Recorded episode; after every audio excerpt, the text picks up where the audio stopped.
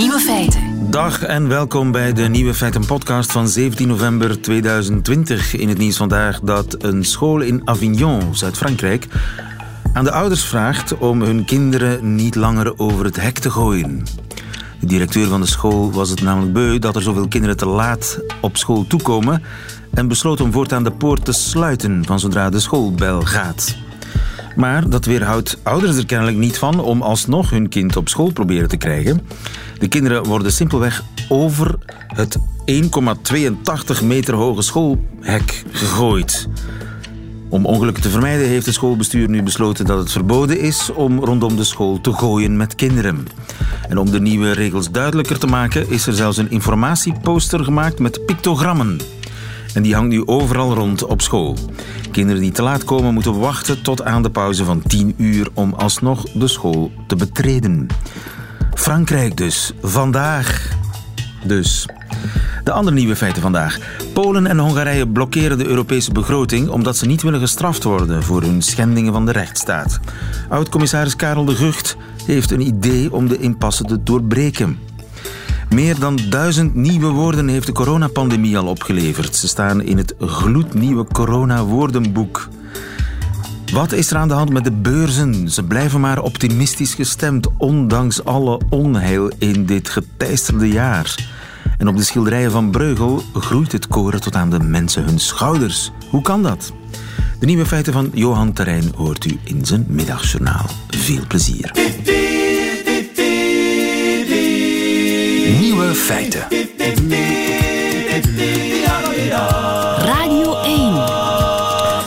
Radio 1. Grote crisis in Europa, want Polen en Hongarije, die beide landen, die blokkeren de Europese begroting omdat ze niet wensen gestraft te worden als ze de rechtsstaat niet respecteren.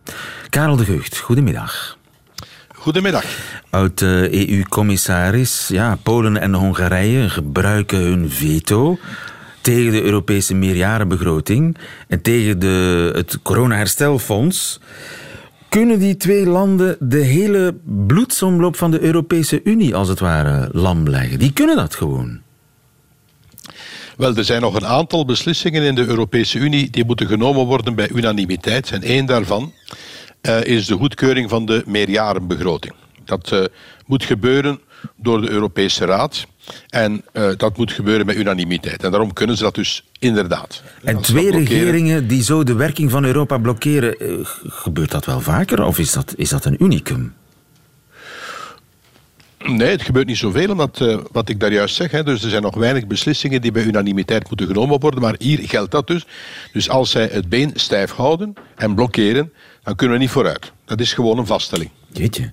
Nu, die landen uh, zien vooral de sancties absoluut niet zitten die afgesproken zijn. Sancties voor landen die de rechtsstaat niet respecteren. Daar is het hun eigenlijk om te doen. Zij, zij beschouwen de rechtsstaat eigenlijk als een, als een interne aangelegenheid waar Brussel zich niet mee heeft te moeien. Maar ik denk dat je daar op de volgende manier moet naar kijken, lieve. Ja. Uh, het Europees Hof van Justitie heeft al een aantal keer Hongarije en Polen veroordeeld wegens het niet respecteren van de rechtsstaat. Bijvoorbeeld uh, door het niet garanderen van een onafhankelijke rechtspraak. Ja. En het Hof van Justitie zegt, wij kunnen dat omdat de lidstaten die moeten eigenlijk het Europees recht uitvoeren.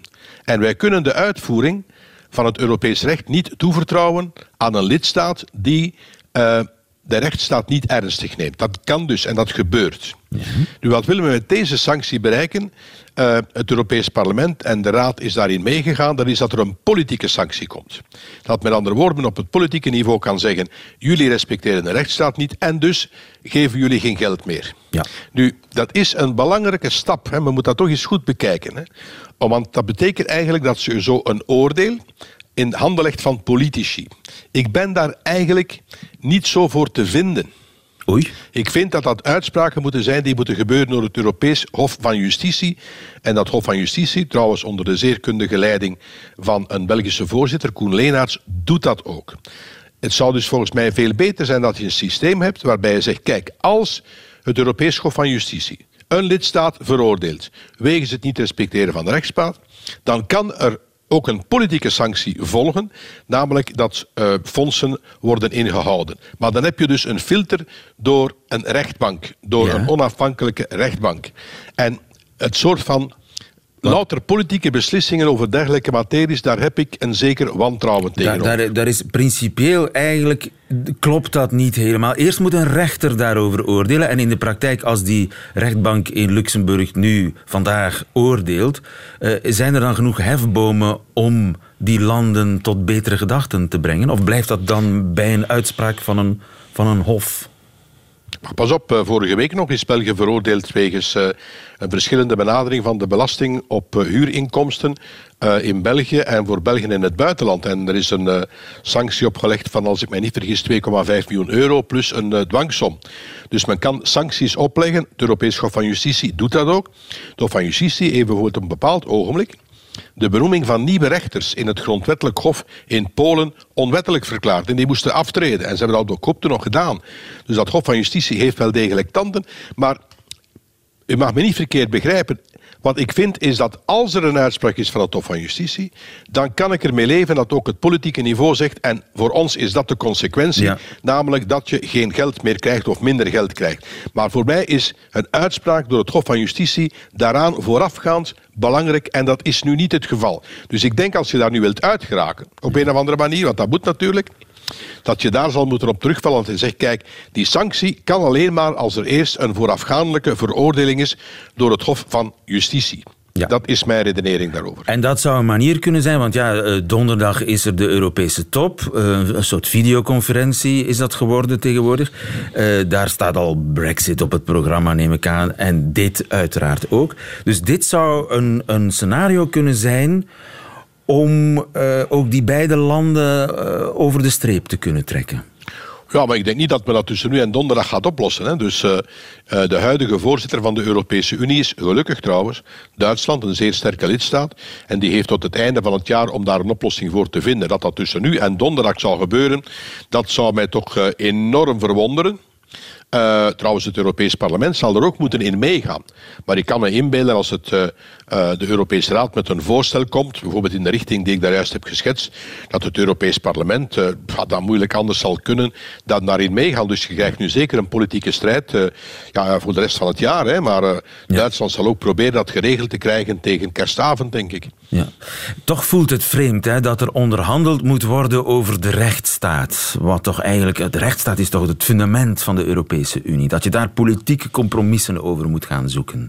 Het voelt raar ja, aan. Ja, ik vind dat niet raar. Het is het Hof van Justitie dat het Europees recht moet doen respecteren en daar het laatste woord in heeft. En dat dus ook kan oordelen over het respect voor de grondrechten op een expliciete manier. Dus laat die rechtbank, die een zeer goede rechtbank is, laat die haar werk doen. Want nu kan je wel zeggen, in deze omstandigheden is duidelijk dat Polen en Hongarije volledig in de fout zitten, dus laten we maar onmiddellijk een sanctie treffen. Maar je moet altijd in dat soort beslissingen rekening houden met de toekomst, die langer is dan het verleden. En in de toekomst kan je zeer ingewikkelde situaties krijgen waarin politieke packages het ene land wel veroordeeld wordt en het andere land niet veroordeeld wordt. Uh, bijvoorbeeld wat wij allemaal doen met, met uh, de vluchtelingen aan de, aan de boorden van de Middellandse Zee. Ja, moet daar op vroeg of laat dan geen veroordeling komen van misschien de ganse Europese Unie? En, en, en wie, wie treft dan die sanctie? Ja. Dus dat is mijn punt. Houdt het jurisdictionele, het uitspraken van een rechter in laatste instantie, het Europees Hof van Justitie, houdt dat los van politieke sancties, maar koppel eventueel politieke sancties aan het feit dat je veroordeeld bent voor het Hof van Justitie. Ja, dat is precies, dat is de, kern, Dat is dus precies de kern van de rechtsstaat natuurlijk. Dat vind ik juist de kern van de rechtsstaat, dat je daar moet mee opletten om dat soort sancties niet alleen in handen van politici te leggen. Dit is natuurlijk een duidelijk geval. Hè. In Hongarije en Polen moet mij daar niet van overtuigen. Hè. Dus homovrije zones creëren, dat soort dingen meer. Maar breng dat naar het Hof van Justitie, daar volgt gegarandeerd een, een veroordeling en, en, en dan kan je op basis daarvan ook een politieke sanctie treffen. Ja. Maar wat ik eigenlijk wil zeggen is, neem niet het risico, ook, ook naar de toekomst toe, een rechtbank buitenspel te zetten en te zeggen, wij als politici zullen daar wel over oordelen of je al of niet goed bezig bent. Dat is in politiek een gevaarlijke zaak. Helder, dankjewel. Karel de Gucht, goedemiddag. Nieuwe feiten. Een blote snoetenland. Heeft u enig idee wat dat betekent? Een blote snoetenland. Wel, dat kunt u tegenwoordig opzoeken in een coronawoordenboek. Want dat bestaat, het coronawoordenboek. Met dank aan Ton den Boon. Goedemiddag, Ton. Goedemiddag. Je bent hoofdredacteur van uh, Van Dalen en auteur van De taal van het nieuwe normaal. En dat is dat uh, coronawoordenboek hè, waarvan sprake. Klopt, inderdaad. Ja, ik ben uh, daar in maart mee begonnen om dat uh, samen te stellen. Uh, want er kwamen zo ontzettend veel nieuwe woorden op het gebied van corona bij. Dat ik, nou, dit viel echt op. Dus toen vond ik als onderdeel van mijn werk voor Van Dalen dat ik, dat ik die woorden moest gaan verzamelen. En op een bepaald moment zag ik daar patronen in. En toen ben ik dat gaan beschrijven. Ja, wat is een blote snoetenland? Ja, dat is een land waar uh, mondkapjes nog niet verplicht zijn. En het staat dus tegenover een mondkapjesland. Vroeger was mondkapjesland, uh, dat was een woord dat we gebruikten voor landen als Japan of China. Uh, en nou ja, goed, wij waren dus in het westen blote snoetenlanden. Ja. Maar dat lijkt ook langzamerhand te veranderen. Want in steeds meer westerse landen worden in ieder geval binnen ook mondkapjes verplicht en soms ook buiten. Inderdaad, en Nederland was tot voor heel erg kort nog een blote snoetenland. Terwijl de Belgen al overgeschakeld waren op, de, op de, het mondkapje. Ja, inderdaad. Dus uh, Harriet Duurvoort, een, uh, een columniste van de Volkskrant, die bedacht toen het woord blote snoetenland. En eigenlijk is dat een heel poëtisch woord. Het is natuurlijk veel mooier dan mondkapjesland. Maar uiteindelijk denk ik dat mondkapjesland wel de dikke vandalen zal halen en blote snoetenland uh, een apocrief woord blijft. Behalve dan natuurlijk in dat boekje De taal van het nieuwe normaal, want daar staat het wel in beschreven. Ja, en heb je eigenlijk genoeg woorden voor een heel woordenboek? Ja, meer dan genoeg. Um, in het uh, woordenboek staan uh, 1064 lemma's. Duizend, um, meer dan duizend woorden heeft ja, de coronacrisis ja, ja. opgeleverd. Dat is een, een nou, voordeel zijn... bij een nadeel. Ja, precies zoals Cruijff zegt, elk, uh, elk nadeel heeft zijn voordeel. Ja. Uh, dus dit heeft inderdaad veel nieuwe woorden opgeleverd. Maar dit zijn niet eens alle woorden hoor, want er zijn er nog veel meer. Alle woorden die maar één of twee keer voorkwamen in de krant heb ik niet eens opgenomen.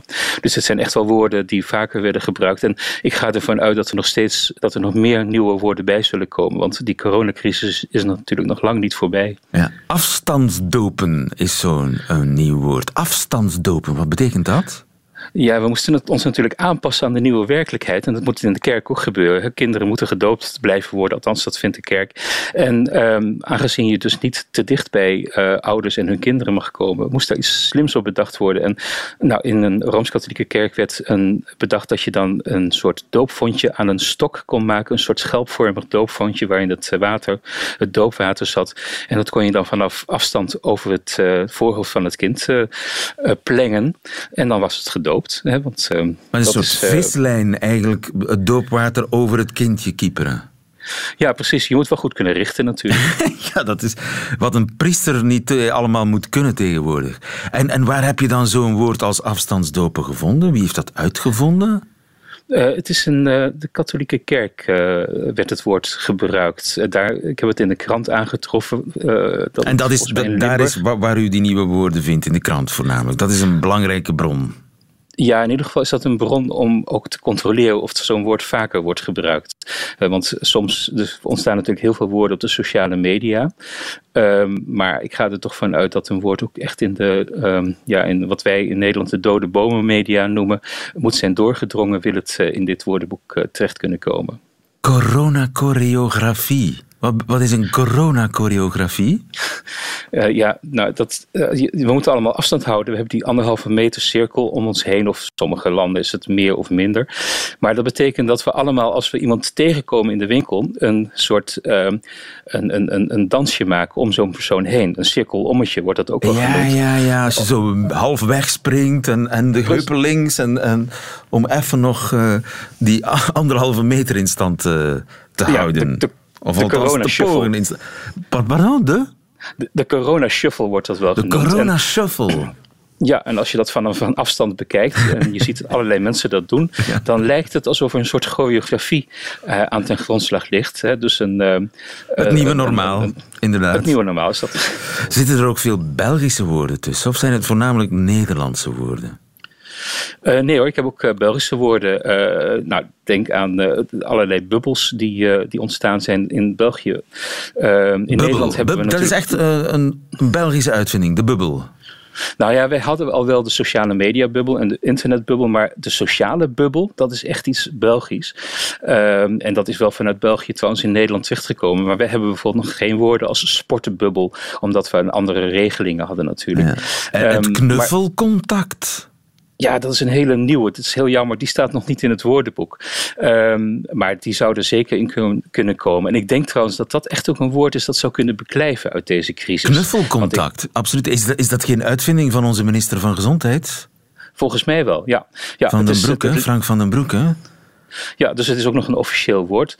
En in Nederland had je ook wel zo'n woord. Het was het woord seksbuddy. Daar lijkt het een klein beetje op. Je mocht dan één contact hebben waarmee je seks kon hebben. Dat is door, de RIV, door het RIVM. Uh, Kijk, daar ligt nu het verschil tussen Vlaanderen en Nederland. Hè? We hebben een knuffelcontact en jullie hebben een seksbuddy. Ja, uiteindelijk mocht die seksbuddy toch ook niet hoor. Die is weer van de site van het RIVM afgehaald. Hoestschaamte is ook een hele mooie. Hè? Hoestschaamte.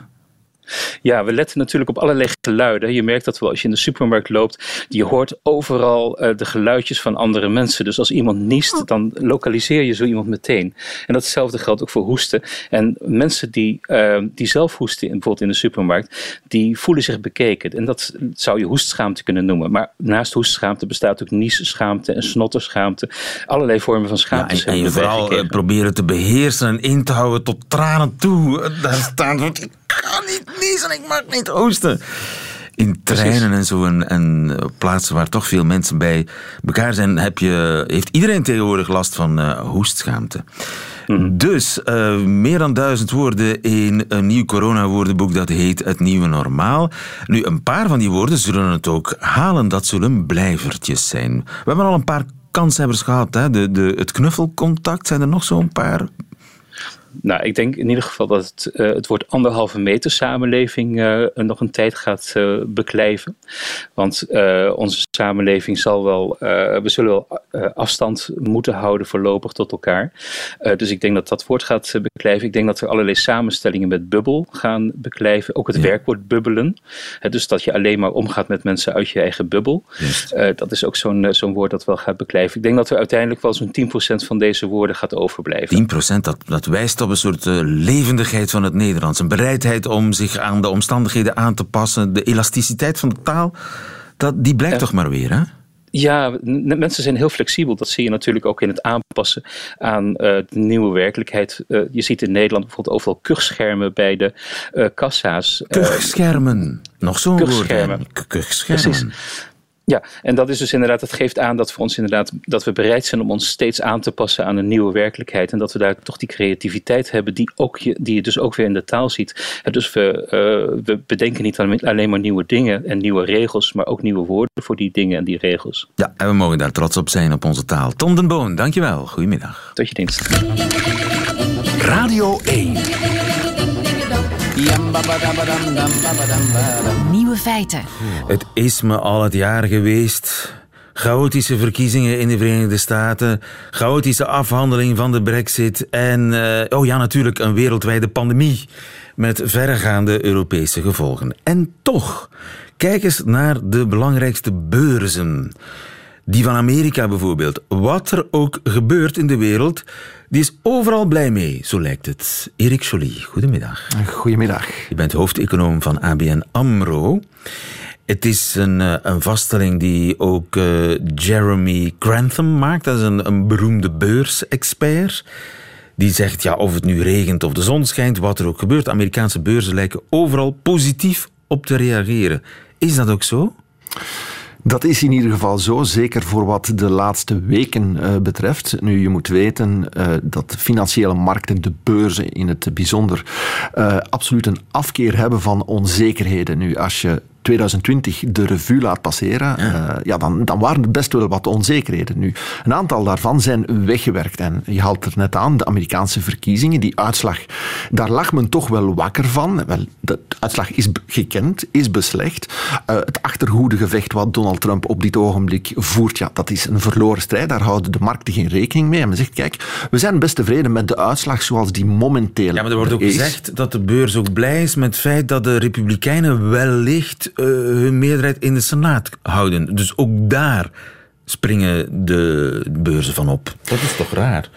Ja, ik denk niet dat dat, dat dat raar is. Ik denk dat de beurzen een gans ander parcours mogelijk zouden gefietst hebben op het ogenblik dat Joe Biden uh, president uh, geworden was, in combinatie met het feit dat de Democraten het, uh, het volledig congres in handen hadden. Dus zowel het Huis als de Senaat. Waarom zijn de beurzen blij met ja, die tweespalt als het ware? Wel, omdat op die manier de meest, um, hoe zou ik het zeggen, de meest company-onvriendelijke maatregelen die Biden mogelijk zou kunnen nemen, die worden wat weggeveild. Hij dacht bijvoorbeeld om de vennootschapsbelasting op te trekken van 21 naar 28 procent. Hij denkt ook aan eventueel een meerwaardebelasting in te voeren op inkomens van meer dan 1 miljoen richting 40 procent. Dus dat zijn eigenlijk allemaal maatregelen waar ja, de financiële markten niet echt blij van worden, maar het feit dat die republikeinen in de Senaat zitten, ja, die kunnen wat tegengas geven en wellicht gaan dus de plannen van Biden weliswaar doorgevoerd worden, maar in een meer afgezwakte vorm.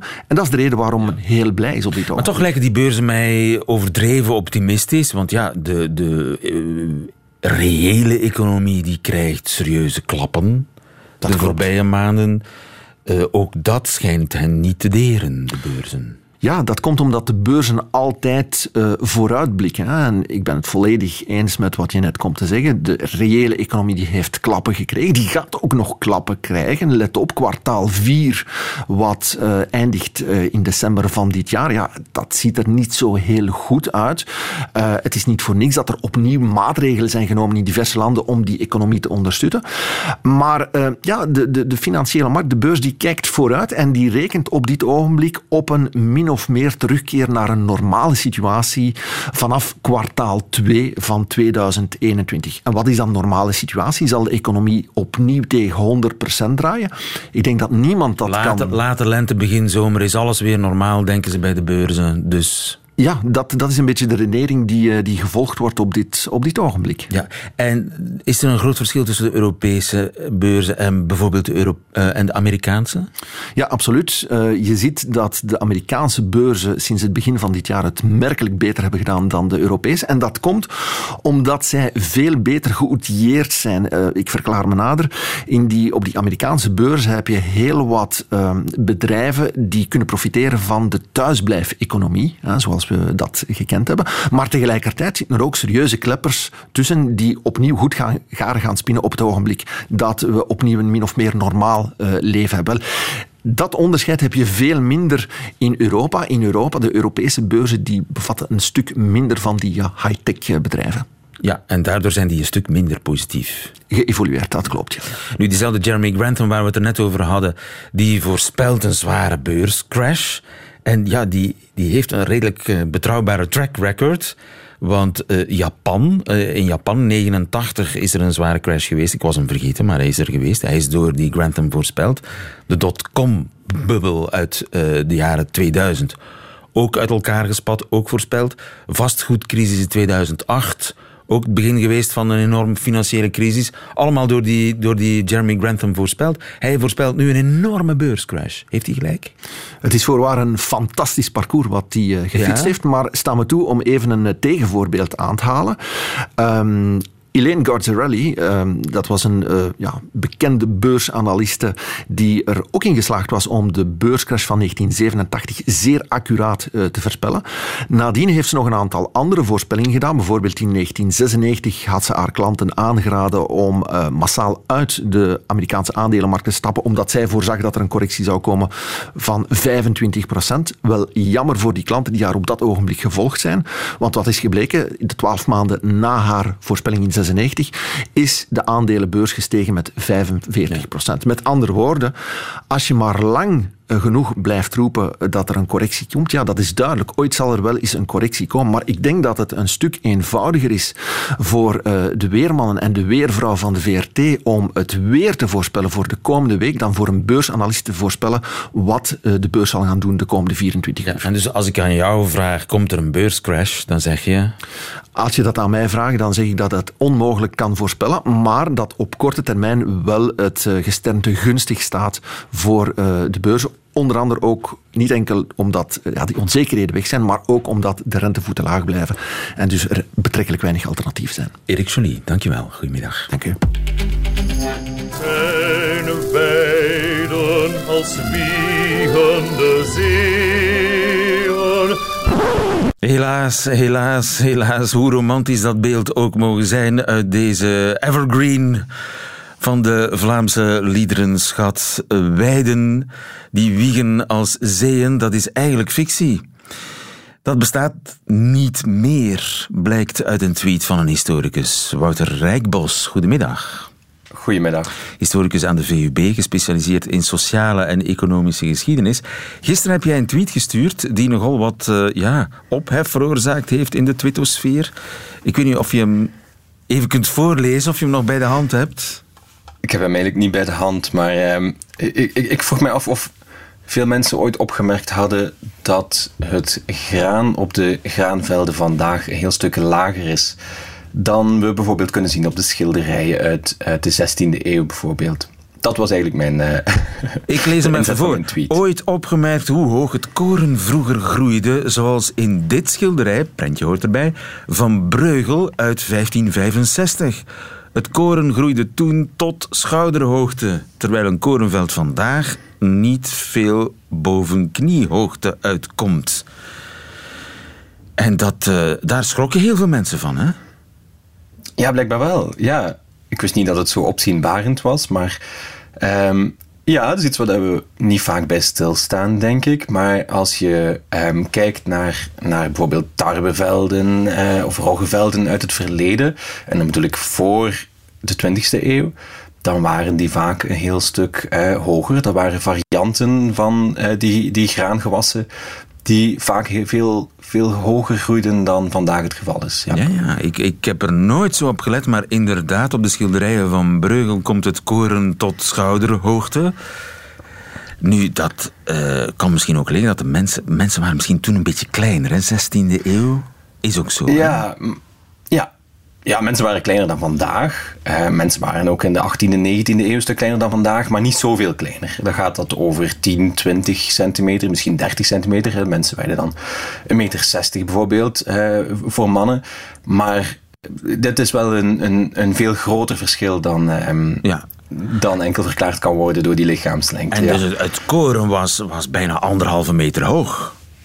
Ja, en dat is ook, was ook wel nuttig, hè? want uh, bijvoorbeeld die, die korenhalm, dat stro, kon dan gebruikt worden om bijvoorbeeld strozakken te vullen waar men op kon gaan slapen als, uh, als matrassen. Dus, dus het had ook wel zijn nut. Hè? Die, die, die korenhalmen die werden daar ook wel uh, gebruikt natuurlijk. Dus ja, mensen, mensen hadden veel meer koren nodig dan vandaag, dus dat kwam heel goed uit. Nu, de, dat koren is kleiner geworden, wij zijn groter geworden.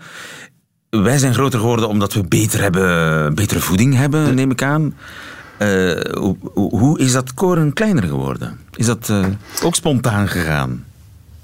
Nee, dat is eigenlijk niet spontaan gegaan. Zeker sinds het midden van de 19e eeuw is men uh, begonnen met heel gericht proberen uit de grote variëteit van tarwe en rogge gewassen die er bestonden, van daarin te gaan selecteren. Eigenlijk aan een soort van um, genetische manipulatie te doen door selectie van die gewassen die het meeste opbrachten. In eerste instantie waren ze geïnteresseerd in die gewassen die um, het best resistent waren tegen bijvoorbeeld bepaalde schimmels of bepaalde uh, ziekten of bijvoorbeeld tegen late vorst of neerslag um, en, en, en, dergelijke meer. En zeker vanaf het midden van de 20e eeuw is men voornamelijk op zoek gegaan naar het selecteren van die gewassen die veel sneller en veel meer opbrengst produceren. En dat zijn net die varianten van tarwe bijvoorbeeld, die veel lager groeien, omdat die heel veel van de voedingsstoffen die ze uit de bodem halen, rechtstreeks gaan um, in, in het produceren van zaden gaan steken. En dat zijn uiteindelijk de dingen die we consumeren. En veel minder in die groei in de hoogte. Ja, ja, ja. Dus hoe minder energie er in de steel komt te zitten, hoe meer energie er in ja, de, de uiteindelijke, het uiteindelijke graan komt te zitten. Ja, en van, vandaar dat zeker vanaf de jaren 60 eigenlijk een, een, een heel beperkt aantal van dat soort dwerggranen ontwikkeld is, um, die voornamelijk door selectie uh, tot stand gekomen zijn, die dan eigenlijk bijna de hele wereld zijn gaan veroveren. Daar waar tot voor de 19e, 20e eeuw um, de meeste graangewassen, de meeste graanvelden, eigenlijk bestonden uit de grote variëteit aan wat men dan noemt landrassen. Eigenlijk heel lokale varianten die van regio tot regio, zelfs van veld tot veld, konden Ja. gaan verschillen, die vaak in combinaties met elkaar voorkwamen, die eigenlijk niet één bepaalde teelt waren. Maar sinds die heel efficiënte, heel productieve ehm, dwerggewassen on- uitgevonden zijn, ehm, hebben die eigenlijk de hele wereld veroverd en, en eh, vind je dus bijna overal ter wereld precies hetzelfde graan. Ja, omdat dat juist meer voedsel opbrengt en daardoor hebben meer mensen eten. Zou het kunnen, ik zit nu na te denken, dat ik als kind nog veel meer heb eh weiden zien wiegen als zeeën? Dat het zo, zo recent nog, nog korter geworden is, het koren? Dat zou kunnen. Ehm, het is, de grote intrede van die, of de grote dominantie van die dwerggewassen is eh, vooral in de loop van de jaren 60 en 70 gebeurd.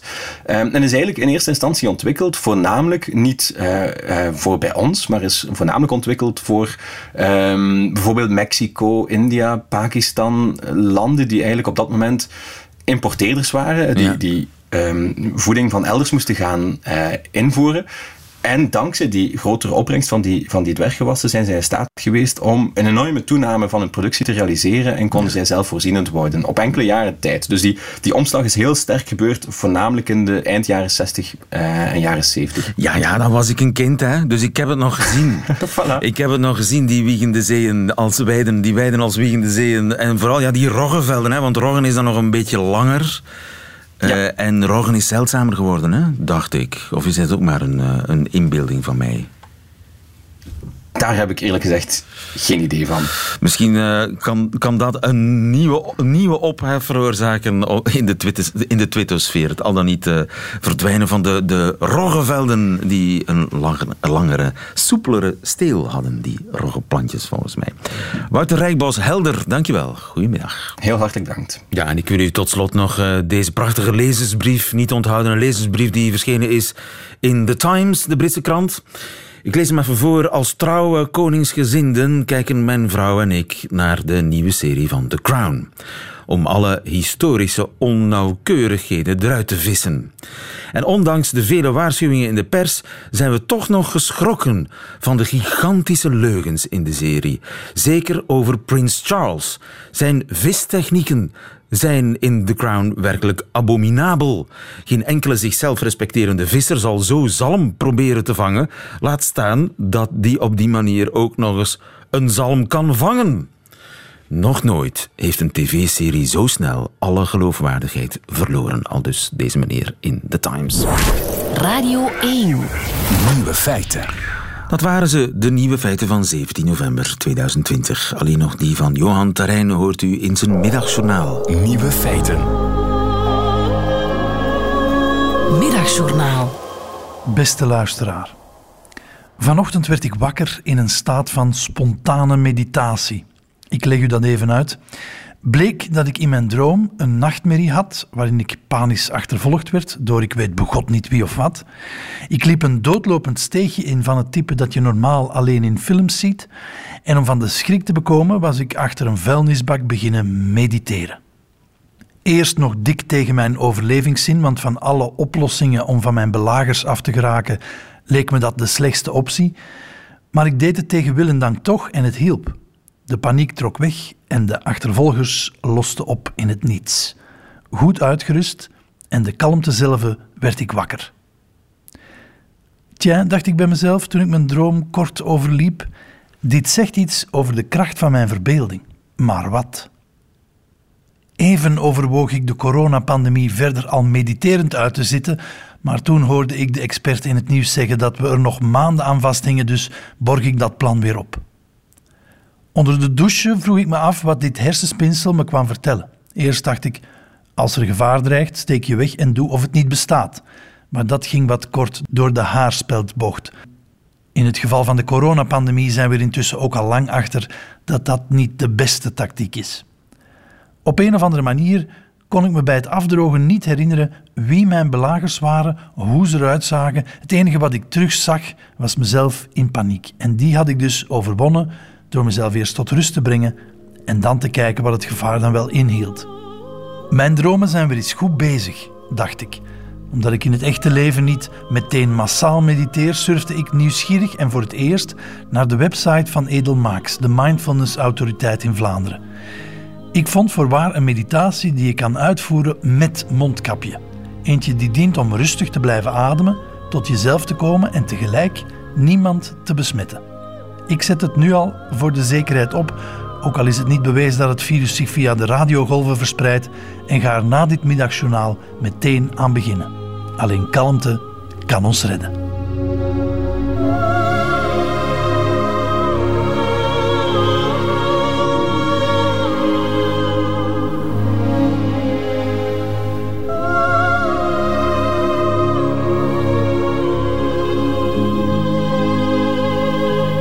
Middagjournaal met Johan Terrein. Einde van deze podcast. Hoort u liever de volledige uitzending van Nieuwe Feiten met de muziek erbij? Dat kan natuurlijk via onze site of via onze app. Daar vindt u overigens nog veel meer Radio 1 podcasts. Tot een volgende keer.